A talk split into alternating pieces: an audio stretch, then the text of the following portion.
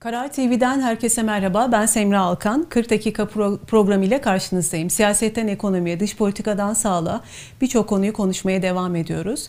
E, ta- konuğumu hemen tanıtmak ister- isterim sizlere. E, konu, bugünkü konuğumuz Deva Partisi e, kurucu üyesi e, ve güvenlik analisti Metin Gürcan. E, Metin Bey hoş geldiniz. Nasılsınız? İyi misiniz? Hoş bulduk Selma Hanım. Teşekkür ederim davetiniz için. Estağfurullah. Ee, şimdi günlerdir zaten siz de takip ediyorsunuzdur. Çok yoğun bir gündem, çok sıcak bir gündem ve bizler de bu gündemi takip ediyoruz, yorumlamaya çalışıyoruz e, sizlerle birlikte. E, şu ana kadar konuşulan Sedat Peker'in iddiaları, e, Sedat Peker'in e, birçok konuda e, iddiası var. Ben özellikle şunu size sormak isterim.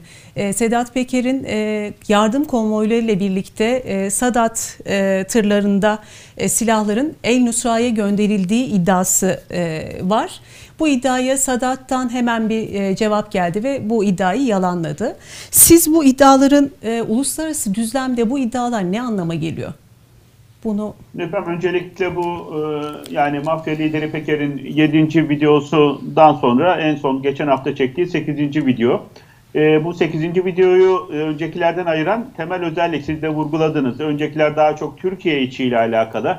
Hani mafya, siyaset, devlet üçgeni ile e, o üçgen çerçevesinde devam eden gelişmeler vardı ama ilk kez e, el art, a, a, a, arttırdı diyelim. Evet. Yani bu 8. videoda biraz daha böyle bölgesel konular Suriye, Suriye iç savaşı e, ve küresel ilişkiler tarzında daha böyle bu uluslararası ilişkiler boyutuna girdi. E, görünen o ki hani paylaşımlarından bundan sonraki videolarda da böyle e, e, ifşaatlara diyelim iddialara devam edeceği gözüküyor. Artık e, bu videolar e, Türkiye içi değil, bölgesel e, önem taşıyan videolar. Bunun altını öncelikle çizmek lazım. E, şimdi tabii buradaki iddialar halen daha iddia olduğu için e, üzerine spekülatif de olsa Yani şu an doğru mu yanlış yani mı çok bilmiyoruz. detaylara girmeden konuşmak lazım tabii ki. E, şimdi buradaki iddiaya baktığımızda e, yani e, şimdi bir e, en başta şu eleştiriyle Selma Hanım başlamak lazım bence. Şimdi e, biz Suriye söz konusu olursa, e, Suriye'deki savaş söz konusu olduğunda, e, bu savaşla alakalı konular söz konusu olduğunda öncelikle e, griyi konuşuyoruz. Yani ne siyah ne beyaz, gri'nin tonlarını konuşuyoruz. Bazı yerlerde bu tonlar koyulaşıyor, bazı e, yerlerde açıklaşıyor ama hani genelde e, kimin eli kimin cebinde belli olmayan, vekalet savaşlarının yürütüldüğü, e, Suriye'de çıkarları olan başta Amerika, Rusya, İran, e, Ürdün, Türkiye, e, bir dereceye kadar e, Lübnan, tabii ki İsrail, e, Avrupa ülkeleri, hani bunların tamamını saydığımızda hani e, genelde hani bizim açık faaliyetler dediğimiz hani şeffafça e, kamuoyunun ve uluslararası medyanın gözünde faaliyetleri var. E, yarı açık veya yarı örtülü dediğimiz faaliyetleri söz konusu. E, bunlar da e, biraz böyle hani askeri ve biraz da böyle gizlilik zırhına bürünmüş faaliyetler. Bir de örtülü faaliyetler söz konusu. Örtülü faaliyetlerse hani uluslararası medyanın, uluslararası kamuoyunun gözünün çok da önünde olmayan arka Evet. planda gizli faaliyetler söz konusu. Yani şu saptamayla bir e, e, e, bence e, sohbetimize başlamak lazım. Suriye söz konusu olduğunda kimsenin e, eli e, temiz değil. Yani griyi konuşuyoruz dediğim e, vurgu o yüzden önemliydi. Hiç kimse sütten çıkmış ak kaşık değil. Bütün faaliyette ülkelerin Suriye'de faaliyet gösteren örtülü, e, yarı örtülü ve açık faaliyetleri var. Ama burada eleştirimiz şu. Yani Türkiye Cumhuriyeti'nin belki bunu ileride açarız. Bu vekalet savaşları konusunda e, böyle yarı örtülü faaliyetler konusunda özellikle rejim değişikliği gibi çok iddialı bir işe soyunduysanız ki 2013'ten sonra özellikle Obama yönetimi ve CIA'nin e, Suriye'de Esad yönetimini iş başından uzaklaştırabilmek için bir rejim değişikliği projesine soyunduğunu zaten açık kaynaklardan biliyoruz. Bu kapsamda özellikle 2013 yılı yaz aylarından itibaren e, Suriye'yi çevreleyen ülkeler, nispeten Amerika'ya müttefik olan ülkeler, Lübnan, e, Ürdün, Suudi Arabistan, Mısır, e, Türkiye'ye ziyaretler yapıldığını biliyoruz ve siz de hatırlarsınız hem akademik boyutunu da işin eminim takip ediyorsunuz. Yani 2013 yılı yıllarda biz 2014 yıllarda hep böyle eğit donat faaliyetleri, Evet. İşte Suriye'deki muhaliflerin örgütlenmesi, bunların tek bir emir komuta zincirinde toplanması, siyasi bir yapıya kavuşturulmaları ve hem e, Esad e, rejimine yönelik hem siyasi anlamda hem de askeri ve güvenlik anlamında mücadele eden bir örgüt haline dönüştürülmeleriyle ilgili e, Amerika'nın başını çektiği eğit donat programlarına şahit olduk. E, burada e, bir eleştiri yani o dönem tabii e, hükümet e, buna ikna olmuş gözüktü. Buna bunu satın almış gözüktü ve bu kapsamda Amerika ile birlikte bu projeye ciddi anlamda destek verdi. Eğitonat programlarının bir kısmını Türkiye'de yapıldığını biliyoruz. Suriyeli muhaliflerin e, Türkiye'de eğitildiğini biliyoruz ve işte o dönemde 2013-14 döneminde bu ilişkiler e, gün yüzüne çıktı. Şimdi Türkiye'nin vekalet savaşları veya böyle rejim değiştirme konusunda e, ki bunların ikisinin de çok pahalı faaliyetler olduğunu, maliyetli faaliyetler olduğunu söyleyelim. Amerika'nın mesela Afganistan tecrübesi var. Bugüne kadar harcanmış 5 e, trilyon dolar, 5 trilyon dolar para 2002-2003 dönemindeki işgalle birlikte 600 bin askerin toplam 18-20 tane rotasyon döneminde döndüğü e, toplam belki koalisyon güçlerinden 10-12 bin kaybın olduğu. Fakat günün sonunda mesela bana sorsanız 2003 yılı Afganistan'ıyla şimdiki Afganistan işte Taliban, Peştun evet. milliyetçiliği bir dereceye kadar e, cihatçı e, yaklaşımlar. Hani daha mı şu anda Afganistan 2003'ten güvenli, daha mı böyle Maalesef. istikrara yakın? E, bunu sizde tartışırım. Tabii. Yani o kadar harcanan e, paralar e, ve o kadar harcanan emeğe rağmen sonuç ortada. E, Irak'ta biliyorsunuz Saddam döneminde böyle bir Bush'un hani e, liberal e, soslu böyle demokrasiyi e, orduyla ihraç e, iddiası e, ile başlayan bir Irak işgali söz konusuydu. Orada da harcanan milyarlarca dolar para Amerika'nın emekleri yani Amerika'nın bile yapamadığı bir şeyden bahsediyoruz. İşte rejim değiştirme, rejim değişikliği e, bir başka ülkede özellikle komşu ülkede siyasi e, e, mekanizmaları değiştirme öyle çok kolay bir uğraşı değil. Türkiye bunu Suriye'de test etti. Suriye'de tam dersini alamadı. Libya'da da ikinci bir teste girdi. Bunları da aşacağız belki ileride konuşmamızda. Ama günün sonunda bakın hani sonuca baktığımızda eleştirim de benim o zaten. Yani e, hükümetin, iktidarın e, mevcut süreci iyi yönetemediğinin bence en bariz göstergesi. Bakın şu anda biz bunu Dubai'ye kaçmış bir mafya liderinin tüm dünyaya ifşaatları, yayın rekorları, izlenme rekorları evet. gire, e, Milyonlar kıyak, izliyor. Artık e, Rusça altyazılarının, İngilizce altyazılarının, Almanca altyazılarının paylaşıldığı, e, böyle bir küresel olgu haline viral giden, çok e, böyle seyredilen, küresel olgu haline gelen bir şeyden bir mafya liderinin e, ifşaatlarından Türkiye'nin Suriye'deki yarı açık, e, e, yarı örtülü ve örtülü faaliyetleriyle ilgili iddialar dünyada şu anda yankılanıyor.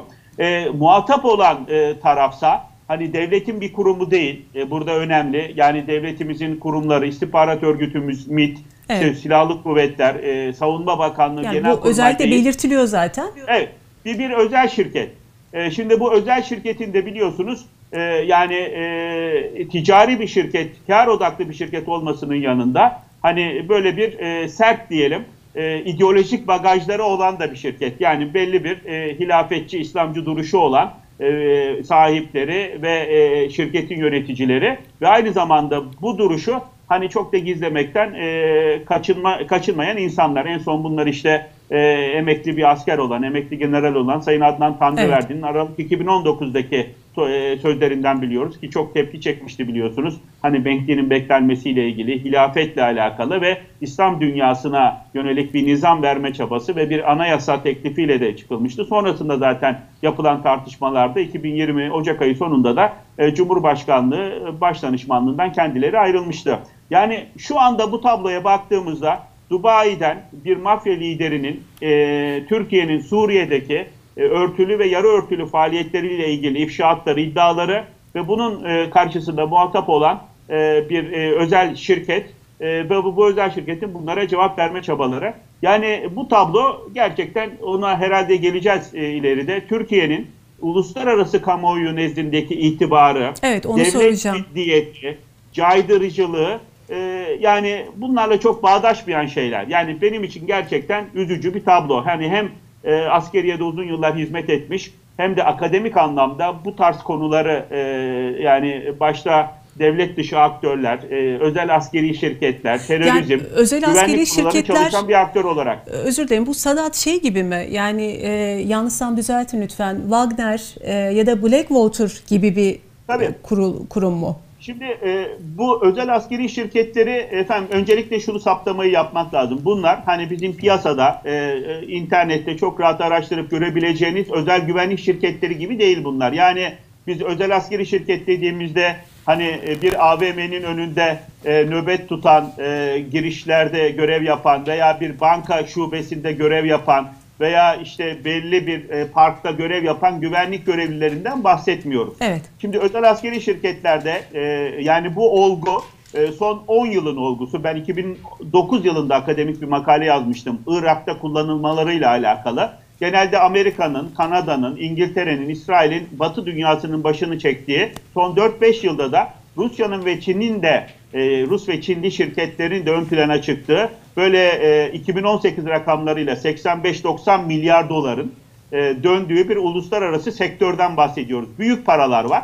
Devletler bu e, şirketlere yöneldi. Sebebi de e, devlet askeriyesinin yani modern dünya ordularının yani omzunda bir devlet bayrağı olan bir devletin e, kimliğini taşıyan askerlerin düşük yoğunluklu çatışma ortamları dediğimiz işte Libya gibi, e, e, Afganistan gibi, Irak gibi, Suriye gibi yerlerde kullanılmasından kaynaklanan politik maliyetler. Yani e, askerler öldüğü zaman, e, evet. hayatlarını kaybettiği zaman eve dönen tabutlar e, politik olarak e, iktidarları sıkıntıya sokuyor. Yani şunu yani, söylüyorsunuz diyor, aslında özür dilerim. E, bizim hani askerimiz var, polisimiz var ama e, bu sıkıntılı bölgelerdeki konular çok maliyetli olduğu için maalesef. Politik o yüzden anlamda, evet ekonomik anlamda. O yüzden bu kurumlar e, var diyorsunuz. Aynen. Kurum değil, şirket bunlar. Özür dilerim, yani bunlar, şirket. Tamamı e, özel askeri şirket dediğimiz özel evet. güvenlik şirketlerinden farklı. Üç tipleri var bunların. Birinci tip özel askeri şirketler daha çok bizim askeriyede muharebe hizmet desteği dediğimiz. Mesela işte atıyorum cephe gerisinde askeri bir kampta çamaşır, temizlik hizmetleri, yemek hizmetleri. Mesela Amerika'nın e, atıyorum e, Irak'taki veya Afganistan'daki üslerinde e, yemek hizmetini veren firmalar. Evet. Lojistik e, e, destek veriyorlar bu firmalar. E, bu firmalar mesela Amerikan Savunma Bakanlığı'ndan ihale alıp sivil bir şirket Türk şirketleri de buna e, bu ihaleyle katılabilir ki mesela Irak'ta ben zamanında ben de görev yapmıştım Kerkük'te, e, e, Kuzey Irak'ta pek çok e, Türk şirketi de e, bu tarz e, muharebe hizmet desteği diyelim. Yani çamaşır, temizlik, e, yemek bu tarz hizmetler veriyorlar. Birinci tip bunlar. İkinci tip e, özel askeri şirketlerse daha çok e, muharebe desteği diyebileceğimiz daha çok cephe tarafına da yakın lojistik hizmetler. Mesela e, askeri konvoyların emniyeti.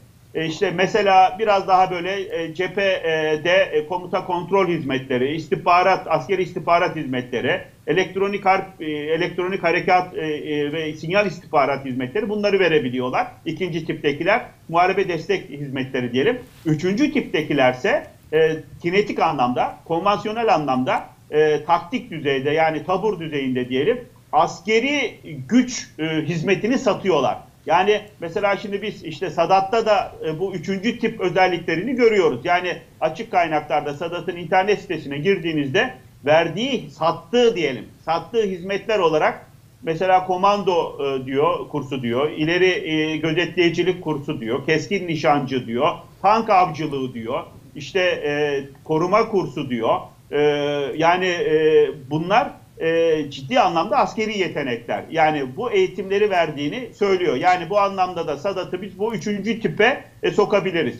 Şimdi e, Türkiye'deki mevzuat e, baktığımız zaman mesela 5102, 5101 bunlar kanunlar. İşte hem e, harp silah araç gereçlerinin yani askeri silahların ve malzemenin ülke içerisinde kullanılması hem de bu hizmetlerin ve bu eğitimlerin verilmesinde kanuna, mevzuata baktığımızda silahlı kuvvetlerin e, tek elini görüyoruz. Yani e, mevzuat açısından Türkiye sınırları içerisinde Sadat e, ve benzeri şirketlerin üçüncü tipte yani kinetik olarak askeri yeteneklerini hem satabilme hem de bunların eğitimini verebilme e, Türkiye'deki mevzuat uygun değil. Ama burada tabii şu önemli bir soru e, Selma Hanım. Yani bu sorunun cevabını bence vermesi lazım Sadat ekibinin. 2012 yılında Ticari Sicil gazetesinde yayınlanan e, faaliyet e, e, bildirileriyle ticari faaliyetlerine başlıyorlar. Yani bu hizmetleri sunduğunu iddia eden bir şirketin e, nasıl Ticari Sicil Gazetesi'nde onay alıp e, şirket e, e, bilgilerini basabilmesi ve bu alanda faaliyete e, başlayabildiği sorusu bence önemli. Ve sonrasında da acaba bu şirket faaliyetleri nedeniyle e, zaman zaman idari veya hukuki e, böyle e, yani hani e, incelemelere, denetlemelere tabi tutuldu mu? Hani bunu da bilmiyoruz. E, ama şirketin iddiası tabii ki Sadat'ın Türkiye içerisinde bir faaliyetlerim yok diyor. Bütün faaliyetlerim yurt dışına yönelik diyor. Ama gene mevzuata baktığımız zaman hani yurt dışına yönelik askeri malzemenin, harp silah araç gereçlerinin ve askeri eğitimin ihracatından temel öncelikli sorumlu Milli Savunma Bakanlığı. Yani evet. şimdi Milli Savunma Bakanlığı'nın onayı, izni tabi olmadan siz yurt dışına bir askeri yetenek, askeri hizmet satamıyorsunuz. Hani burada da nasıl bir ilişki olmuştur? Yani ben mesela ticari bir şirket, tabii ticari sırdır. İşte centilmenlik anlaşmaları, işte gizlilik anlaşmaları imzalanır ama günün sonunda hani e, bu şirketin en büyük sıkıntısı e, biliyorsunuz son 3-4 senedir e, özellikle 2016 sonrasında hem Türkiye içerisinde faaliyetlerde bulundukları, eğitim verdikleriyle alakalı ciddi iddialar söz konusuydu. Hem de yurt dışında. Ama yurt dışındaki bu iddiaların bir kısmını hani biraz daha böyle Gülenci firariler ve FETÖ'nün Türkiye'ye yönelik e, aleyhte propagandası diyebiliriz. Ama günün sonunda e, bu e, şirketin böyle bir kara kutu halini koruması yani ve iletişim stratejilerini yönetememesi yani şeffaf bir şekilde e, kendilerini, faaliyetlerini, e, hangi ülkelerde ne tür faaliyetler yaptıklarını anlatmak istememeleri veya anlatamamaları e, ister istemez tabii bu e, soru işaretlerini arttırıyor. Yani hani siz e, tamamen devlet e, kurumu değilsiniz. Yani karşı şu anda bir MIT'i konuşmuyoruz. Türkiye Cumhuriyeti'nin silahlı kuvvetlerini, Milli Savunma Bakanlığı'nı konuşmuyoruz. Evet. E, ticari faaliyet gösteren herhangi bir e, şirketseniz özel sektörde ve özelleştirdiğiniz askeri eğitim hizmetini yurt dışına ihraç ettiğini iddia ediyorsanız hani e, saklayacak neyiniz olabilir ki?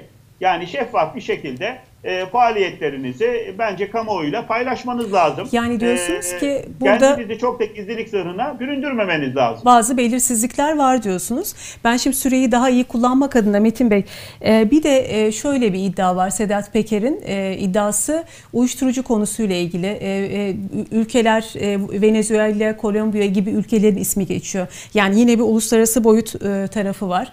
Bu iddialarla anılmak e, Türkiye'nin itibarı açısından nasıldır? E, bu süreçte özür dilerim şeyi de ekleyeyim ben. E, ayrıca şu ana kadar birçok e, dışarı, dışarıdaki basında yazılıyor, çiziliyor bu konular, e, bu iddialar. E, sizin de biraz önce belirttiğiniz gibi. Yani toplamda bu resme baktığınızda Türkiye'nin itibarı nasıl etkileniyor bu iddialardan? Efendim işte en açıklı olan boyut orası e, Selma Hanım. Bizi üzen şey de o. Yani 20 sene devlette hizmet etmiş, özel kuvvetler dahil, yurt dışında Afganistan'dan e, Kazakistan'ına, Kırgızistan'ına, e, Kosova'sına kadar, e, Güneydoğu'sundan Kuzey Irak'ına kadar hizmet etmiş bir insan olarak hani şu anda ben de bakıyorum tabii e, özellikle bu geçen haftaki e, 8. videodan sonra yani uluslararası medyada çıkan haberler, yorumlar, analizler hani ve çeşitli dillerde yani sadece İngilizce değil Rusçasından Almancasından geçen gün baktım Hintçe gördüm yani hani Urdu dilinde yazılmış Bayağı. Pakistan'da analiz e, işte mafya liderinin e, ifşaatları ile ilgili birisi yazıyor çiziyor. Yani şimdi e, ciddi bir devlet, e, uluslararası kamuoyunda itibarını önemseyen bir devlet.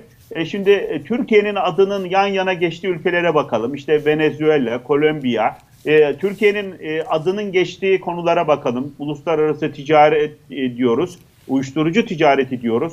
Hani bu e, efendim narko boyutu ve narko devlet hani e, algısı uluslararası ortamda e, yani çoğu haksız da olsa hani günün sonunda uluslararası ortamda itibar, caydırıcılık e, bunu önemsiyorsanız bu algıları da önemsemek zorundasınız. Yani çamur at izi kalır muhabbeti. Yani Türkiye bir narko devlettir e, algısı pekişirse efendim bu çok da e, hayrımıza olmaz ve burada aslında sadece Türkiye'nin bugünü değil, iktidar değil, yani e, bu tarz e, algılar üzerinize yapıştıktan sonra bundan kurtulabilmek de çok zordur. Önümüzdeki 3 sene, 5 sene, 10 sene sadece biz değil çocuklarımızı bile e, şey altına alacak.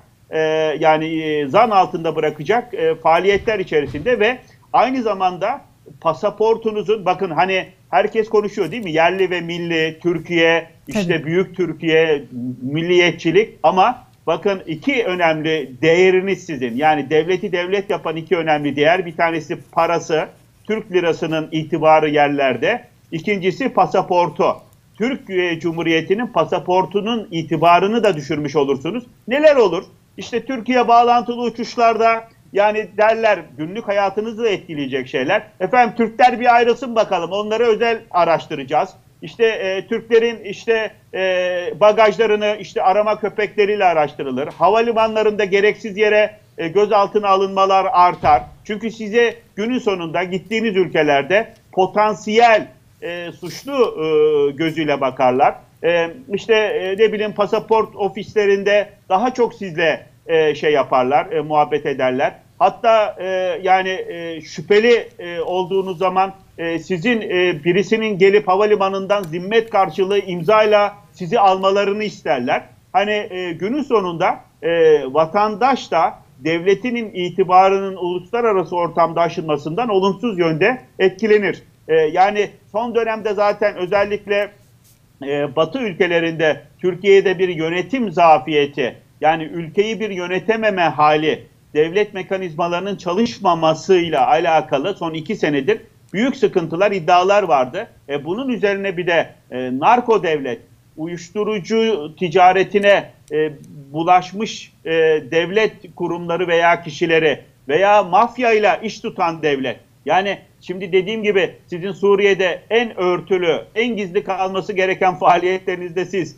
e, bir mafya liderini kullanıyorsanız ve bu insan kontrol altından çıkıp e, e, elin Dubai'sinde ifşaatlar yapıyorsa e, zaten hani sizin bu işi çok da beceremediğiniz e, uluslararası ortamda e, karşınıza önemli bir engel olarak çıkacaktır ve günün sonunda e, buradan e, çok ciddi anlamda e, caydırıcılık ve itibar e, aşılmasına uğrayacaksınız demektir. E, bu devletin e, e, itibarının caydırıcılığın aşılması da günün sonunda pasaportun değerinin düşmesi ve vatandaşının e, yurt dışında daha çok sıkıntı çekmesi anlamına geliyor.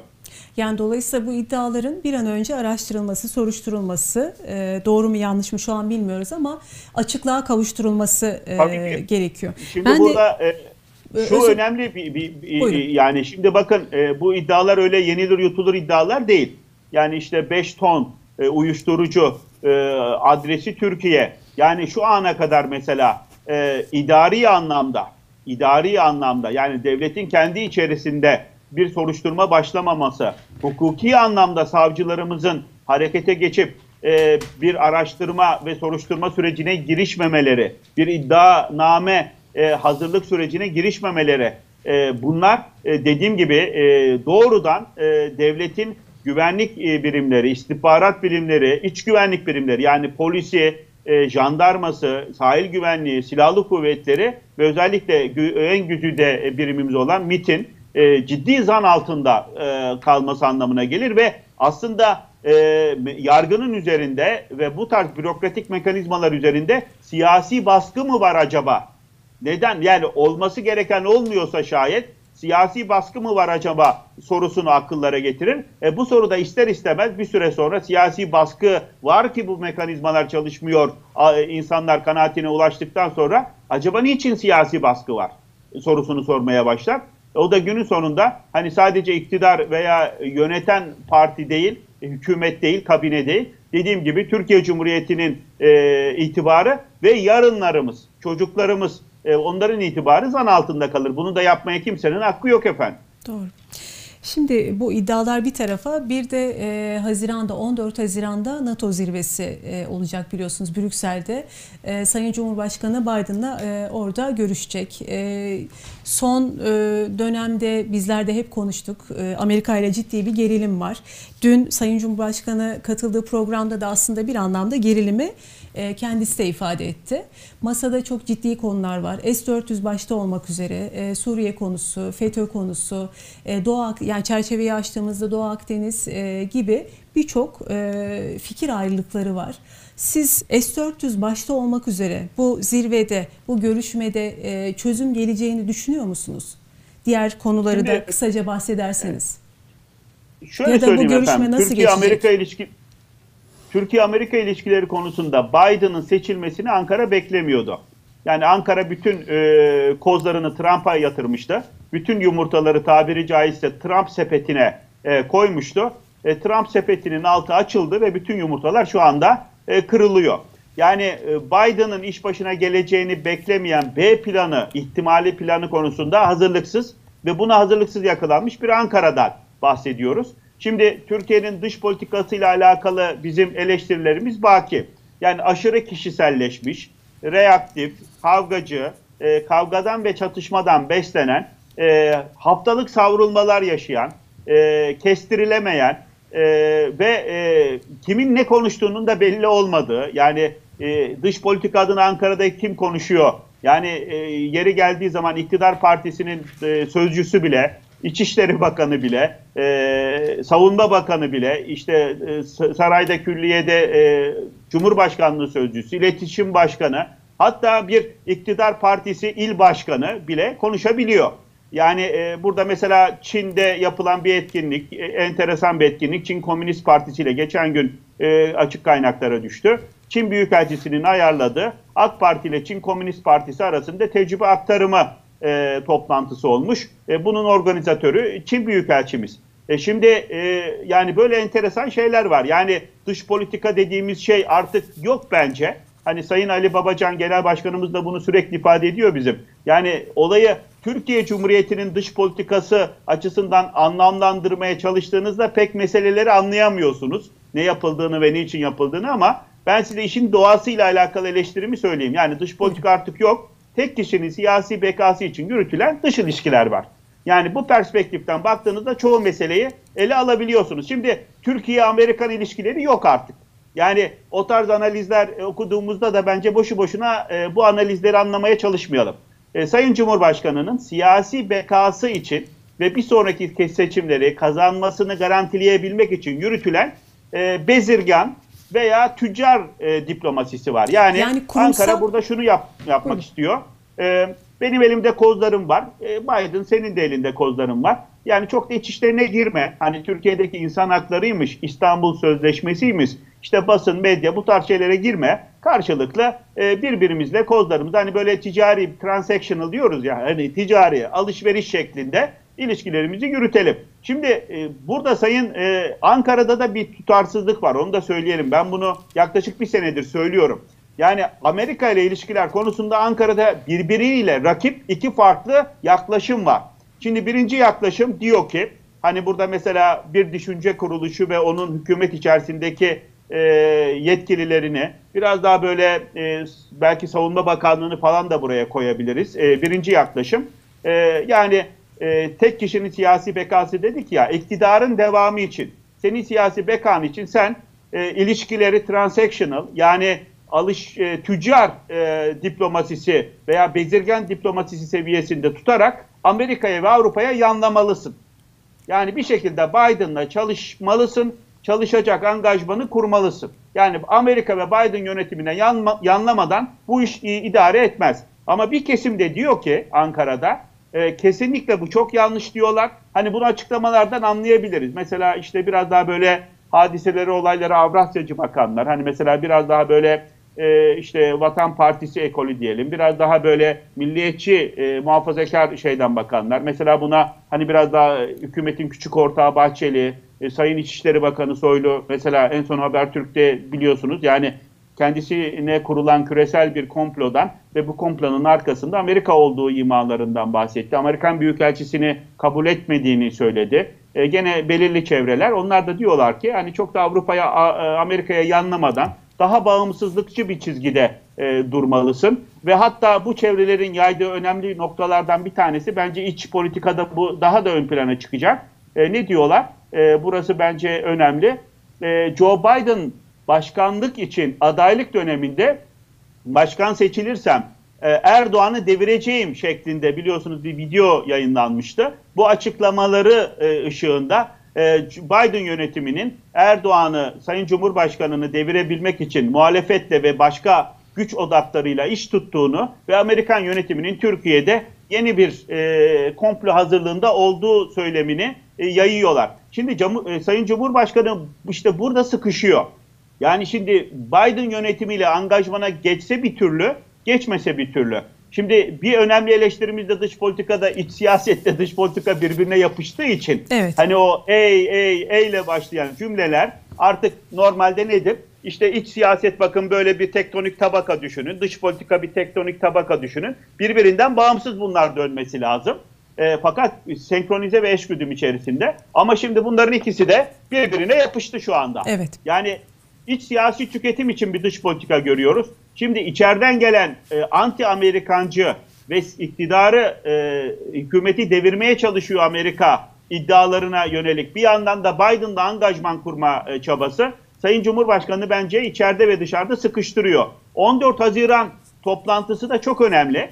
Şimdi görebildiğimiz kadarıyla Biden böyle Trump gibi bir telefon mesafesinde değil. Olayları, hadiseleri daha böyle kurumsal götürmek kişisel istiyor. Liderler bakıyor. diplomasisine karşı. Tabii. Yani Erdoğan'ın her zaman telefonda ulaşamayacağı bir lider. Bakın 4 ay telefon bekledik. Evet. Gelmedi. E, genelde Sayın Cumhurbaşkanı telefonlar Rusya'dan geliyor, Putin'den geliyor. O bu, seviyor. Bu görüşmede masada sorunlar çözülebilecek mi? Ne görüyorsunuz? S-400 başta olmak üzere. Şimdi efendim e, görüşmenin e, formatına, süresine e, ve özellikle ben Türkiye tarafı değil Amerikan tarafından görüşme sonrasında e, çıkacak e, görüşmeyle ilgili e, bildirimlere bakmamız gerektiği kanaatindeyim. Süre önemli. Evet. Tercümanların kullanıldığı bir e, görüşmede Türkiye ile Amerika arasındaki bu sıkıntılı kriz dosyalarını da düşündüğümüzde en az 3-4 saatlik bir görüşme e, bence verimli bir görüşmedir.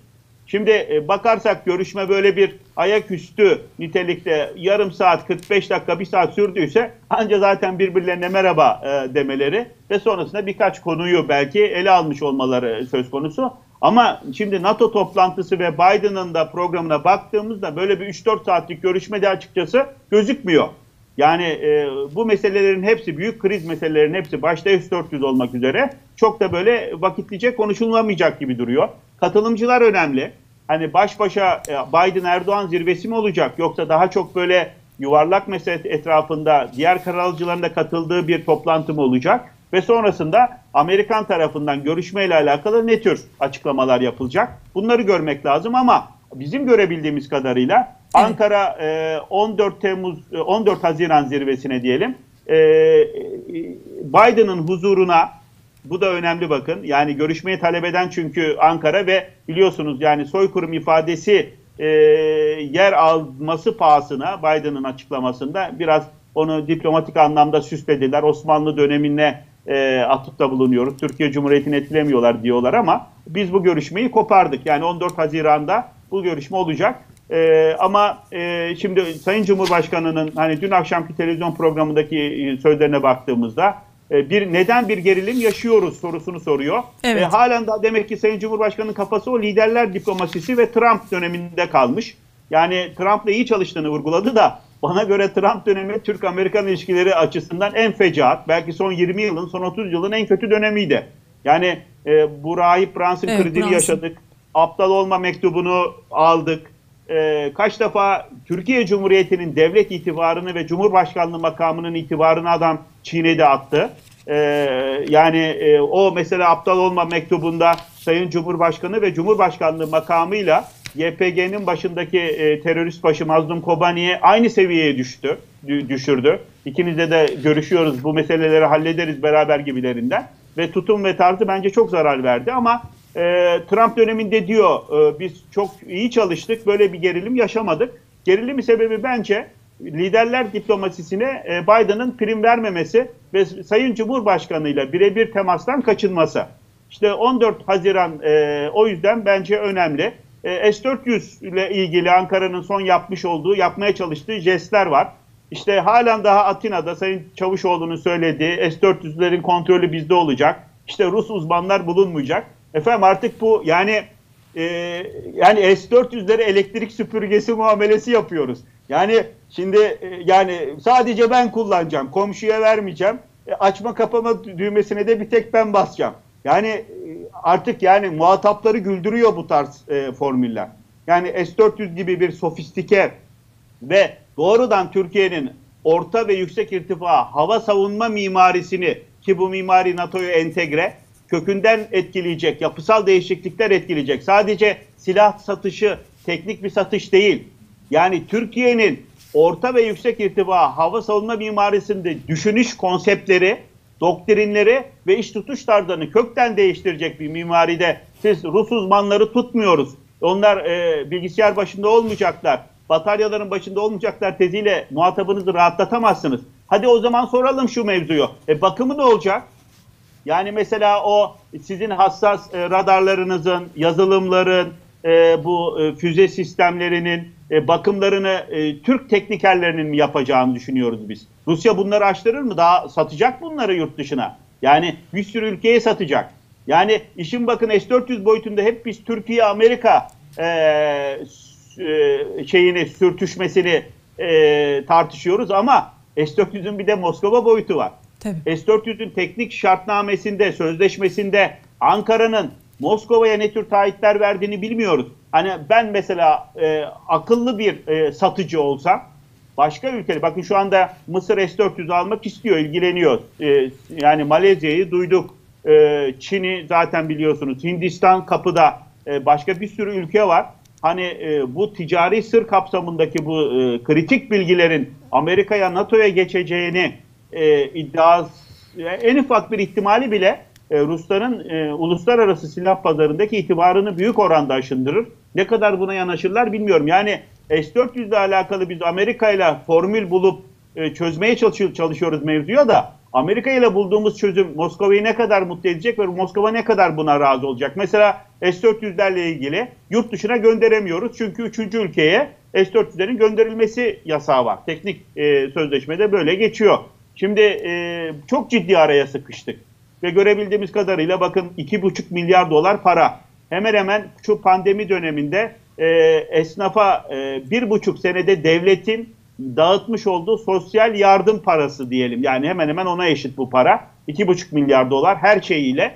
E, efendim yani kutularından bile çıkartamıyorsunuz. Yani... En yakıcı şekilde İdlib'de ihtiyacınız var bu sistemlere. Yani jeopolitik açıdan e, Rusya'dan aldığınız sistemleri en yakıcı şekilde İdlib'de ihtiyacınız var ama İdlib'in hava sahasının sorumluluğu Rusya'da.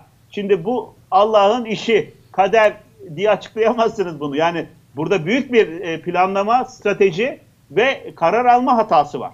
Yani biz bu hatayı nasıl düştük? Yani devlet dediğimiz kurum 3 sene, 5 sene, 10 sene, 20 sene, 30 sene sonrasını planlar. Yani İdlib'de, Suriye'de, Suriye kuzeyinde Rusların hava sahasına egemen olacağına ile bile siz Rusya'dan S-400 sistemi alıyorsanız 24 Kasım 2015'te de Rus uçağını düşürmüşsünüz. Yani e, bir şey diyemiyorum. Bu bir e, siyasi karar alma hatasıdır. Dolayısıyla, dolayısıyla diyorsunuz ki fikir ayrılıkları 14 Haziran'da e, kolay çözümlenmeyecek. Yani o Biden, e, Sayın Cumhurbaşkanı Biden görüşmesi kolay geçmeyecek benim e, anladığım kadarıyla. Özetle Şimdi, bu şekilde söyleyebiliriz. Burada şunu pazarlamaya çok, çalışıyorlar. Yani çok az kaldı. E, Türkiye Buyurun. Amerika için değerli. Özellikle evet. şimdi Biden'da biraz daha böyle e, eski nesil diyelim, soğuk savaşı görmüş e, siyasetçiler veya Ve karar çok iyi e, destekçiler. Bilen. Aynen. E, onların temel argümanı şu. Ya Türkiye yani çok da Erdoğan'a falan takılma. Hani Türkiye önemli bir ülke. Özellikle Rusya ile ilişkilerde sana e, ciddi anlamda bölgesel partner ve iyi de dengeler. Mesela bunun şeylerini gördük. Mesela bir Karadeniz değil mi? Montreux e, jeopolitik bir şey yaşandı evet. Türkiye. Polonya'ya e, SİHA satışı önemli. Hı hı. E, Romanya'da şu anda Türkiye'nin 3. kol ordusu, NATO'ya tahsisli kol ordusunun 66. Tugay'ı Romanya'da NATO'nun en büyük tatbikatının en önemli e, görevlerinden birini icra ediyor. Romanya'dayız şu anda. Ukraynalı Ukrayna olan ilişkiler var, evet. ön planda. E, Gürcistan Cumhurbaşkanı dün Türkiye'deydi. Türkiye'nin Gürcistan'ın NATO'ya üyeliği için e, verdiği destekten açık teşekkür etti Türkiye'ye. Bakın bunların hepsi Biden yönetimine gülücükler. Yani hani bak ya bölgesel anlamda bak Rusya'yı çevreleme, anti-access araya denial diyoruz biz buna AİKAD stratejisi. Yani hani Rusya'nın e, Doğu Akdeniz'e, sıcak denizlere inmesinde Türkiye e, sana iyi e, fayda sağlayabilir e, özellikle Karadeniz'de, Ukrayna'da, Balkanlar'da, Doğu Avrupa'da, Kafkaslar'da, işte Azerbaycan, Karabağ, Gürcistan, Ukrayna, Romanya, e, oradan da biraz yukarıya doğru böyle şeye doğru çıkalım, e, işte e, Bulgaristan dahil. E, buralarda destekçi olabilir ama yani e, güven bunalımı en büyük sıkıntı efendim. Yani bunu iki senedir, iki buçuk senedir biz söylüyoruz. Yani bu tarz e, kozmetik hamleler e, Türkiye ile Amerika arasındaki yapısal e, hale gelen güven bunalımını ne derecede giderir? E, bunu göreceğiz. Şimdi e, sizin anlattıklarınızdan şuraya şöyle bir ekleme yapmak isterim. Ee, Soğuk Savaş'la birlikte e, bazı kırılmalar oldu. So- Soğuk Savaş sonrasında 11 Eylül olayları, e, 2008-2009 ekonomik krizi, Arap Baharı, e, Trump'ın gelmesi ve ticaret savaşları ve Trump'ın gitmesiyle birlikte Covid dönemi ve şu an Covid döneminin içindeyiz.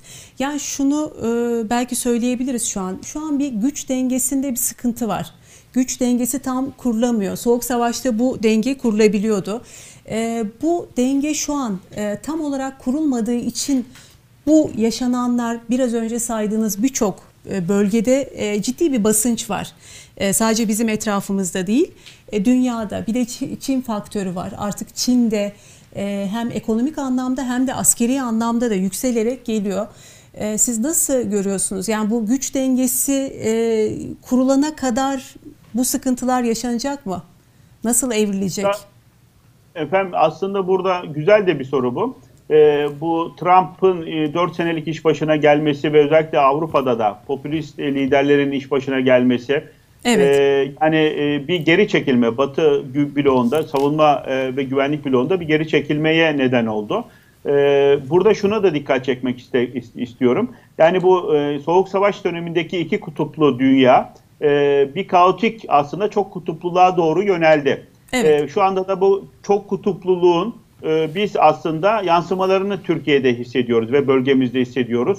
Yani Amerika artık çekilen bir güç. E, bunu e, ekonomik anlamda biliyoruz.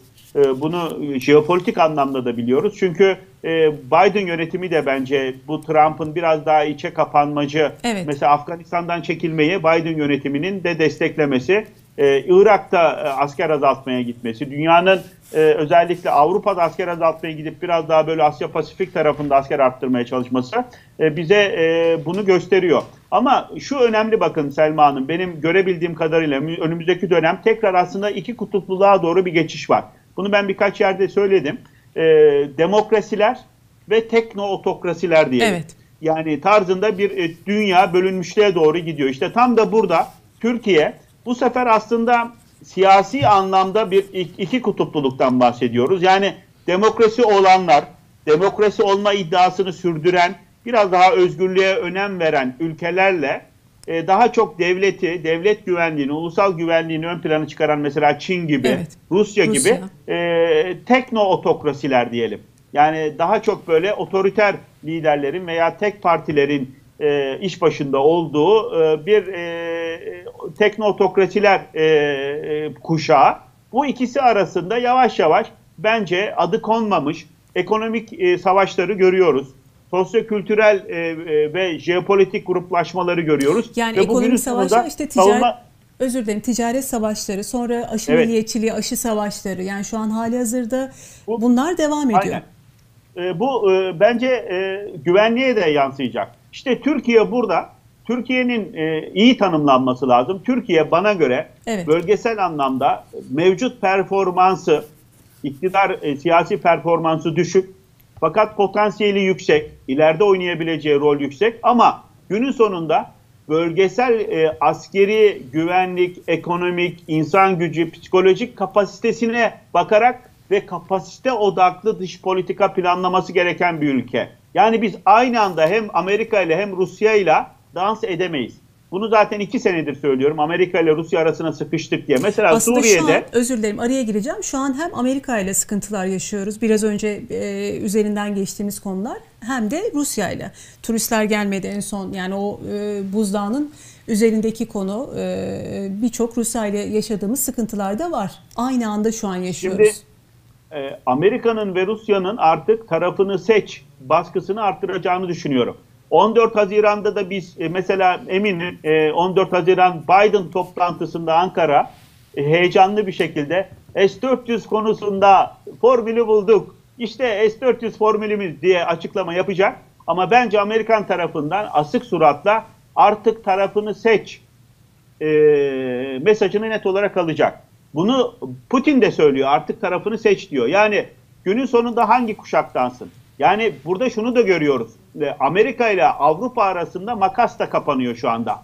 Trump döneminde bu makasa çıktı ve Ankara bundan çok istifade etti. Yani Trump'la NATO'nun aynı dili konuşamaması, Trump'la Avrupa'nın aynı dili konuşamaması Ankara'nın çok işine yaradı. Şu anda da e, artık e, Ankara e, NATO ile Amerika'nın aynı dili konuştuğunu, NATO ile Avrupa'nın aynı dili konuştuğunu görmesi lazım. Trump'ın en önemli üç vurgusu var baktığınız zaman söylemlerine. Serbest ticaret diyor, siyasal demokrasinin güçlendirilmesi diyor ve kolektif güvenlik diyor. E şimdi siz bunların hepsinde de tam olmalısınız. Yani hamile olmak gibi düşünün. Bir insan yarım hamile olamaz Selma Hanım. Yani ya hamilesinizdir, yani ya o kuşağın, ekibin içindesinizdir serbest ticarette, demokrasinin güçlendirilmesi ve kolektif güvenlikte ya da dışındasınızdır. Yani bence artık benden misin, karşıdan mısın baskısı hem Rusya'dan hem de Amerika'dan artacak gibi diye düşünüyorum ben önümüzdeki 2-3 sene. Tam da bu artan baskının e, yansımalarını Ankara hissedecek. Ankara halen daha bence e, bu çok stratejik bir hata. Her ikisini de idare ederim. Yani bundan önceki sene 3 sene idare ettim. Aradaki gri alanları çok iyi e, gözlemleyerek denge politikası uygulayabildim. Tadında işi götürmek istiyor ama bence hem Amerika'dan hem Rusya'dan artık e, tarafını seç baskısının e, artacağını düşünüyorum ben. E, zeytin dalı uzatmaya çalışıyor Amerika Çin'e. Küresel ekonomik sisteme entegre etmeye çalışıyor, ehlilleştirmeye çalışıyor ama enteresan şekilde pandemi sonrası daha böyle bir e, diplomasiye ve askeri güce önem veren daha böyle uluslararası e, duruşu, postürü daha güçlü ve daha böyle kaslı bir Çin görüyoruz. Bu da ilginç evet, bir şey. Eli, eli yükseldi yani aslında Çin'in e, pandemi yükseldi, sonrasında. Öyle. Biz şimdi Çin'e de oynuyoruz bakın. Yani Çin'le de arayı iyi tutmaya çalışıyoruz. İşte Sayın Büyükelçinin mesela Çin Komünist Partisi ile AK Parti arasındaki tecrübe aktarımı şeyi. Çin Dışişleri Bakanı'nın Türkiye ziyareti ve verilen taahhütler.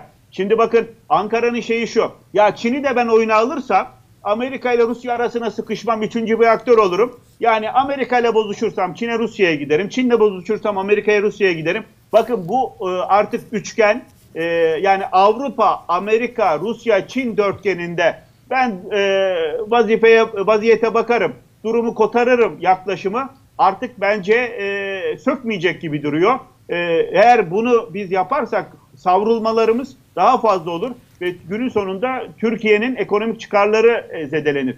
Bakın e, şu önemli e, belki programımızın sonunda ona dikkat çekmek istiyorum. Evet, Yanlış tamamladık. dış politika tercihlerinin ekonomik maliyetleri henüz konuşulmuyor. Yalnız dış politika tercihleri nedeniyle Sayın Cumhurbaşkanı'nın, iktidarın Doğu Akdeniz, Libya, Suriye, Amerika evet, ile ilişkiler, açınca... Rusya ile ilişkiler e, bu konulardaki yanlış tercihlerinin vatandaşın cebine ne kadar dokunduğunu bir anlatsam size burada hepimiz otururuz ağlarız. İnşallah bir başka dolar.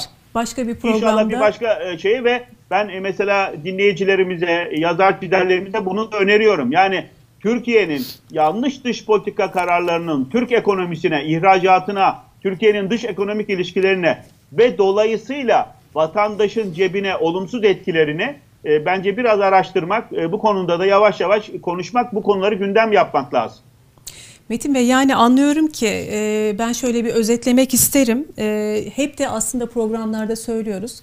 E, ciddi bir dönemeçteyiz. Hem dünya e, dolayısıyla biz de e, ülke olarak etrafımızdaki genel gelişmelere bakınca bu zaten görünüyor. Biraz önce belirttiğim gibi Soğuk Savaş'ın bitmesiyle birlikte kırılma noktaları, olaylar yaşandı. Şu an güç dengesinde bir sıkıntı yaşanıyor. Soğuk Savaş'ta bir güç dengesi vardı ama şu an yaşanan bir sıkıntı var e, ülkeler bir şekilde ittifakları belirlemeye çalışıyor. Sizin söylediğiniz gibi e, gördüğüm kadarıyla Türkiye'nin bu konuya uzun vadeli ve stratejik bir şekilde bakması gerekiyor. Çünkü önemli bir dönemeçteyiz. Bir de siz e, askeri taraftan bu konuları güvenlik tarafından söylediniz ama bir de şu var, teknoloji tarafı var. çok kısa şu örneği vereyim. e, dünyada e, marka değeri en yüksek e, 10 e, şirkete baktığımızda ilk 7'si teknoloji şirketi. Yani ekonomik taraf da aslında ekonomik tarafta da çok ciddi bir değişim dönüşüm var. Dolayısıyla e, ciddi anlamda bir dönemeçteyiz ülke olarak, dünya olarak da. E, bu konuları e, ciddi ciddi konuşmak gerekiyor. Öyle görünüyor. Son Evet eklemek efendim. istediğiniz var mı Metin Bey? Süremizi tamamladık. 14 Herhangi Haziran'la şey. ilgili belki şöyle de bir şey de eklemek istiyorum bakın. Buyurun. Ee, yani ben Ankara'da bana sorarsanız e, kötümserim yani Türkiye-Amerika ilişkileri konusunda. Cumhurbaşkanının, Sayın Cumhurbaşkanının iktidarın belki gerçekten Amerika ile ilişkileri rayına oturtacak bir niyeti olabilir. Evet. Ama kapasitesi yok. Yani buradan da insan kaynağı sorununa ben dikkat çekmek istiyorum.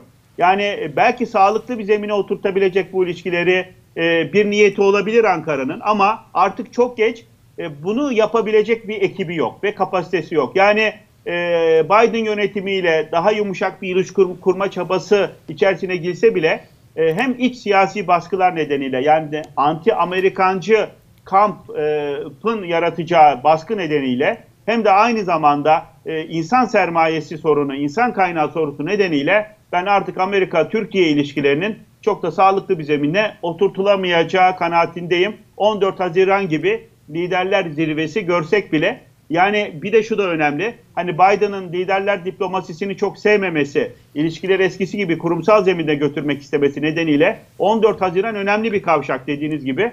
14 Haziran kaçarsa bir daha Erdoğan-Biden görüşmesi ya olur ya olmaz. Anladım. Metin Bey çok teşekkür ederim. Çok çok sağ olun. Ee, Bugün e, Deva Partisi kurucu üyesi ve güvenlik analisti Metin Gürcan'la Sedat Peker'in e, iddialarının uluslararası boyutu, boyutu bu tarafı konuştuk. Ayrıca e, Türkiye-Amerika ilişkileri ne yöne gidecek diye üzerinde konuştuk. Tekrar kendisine teşekkür ederim.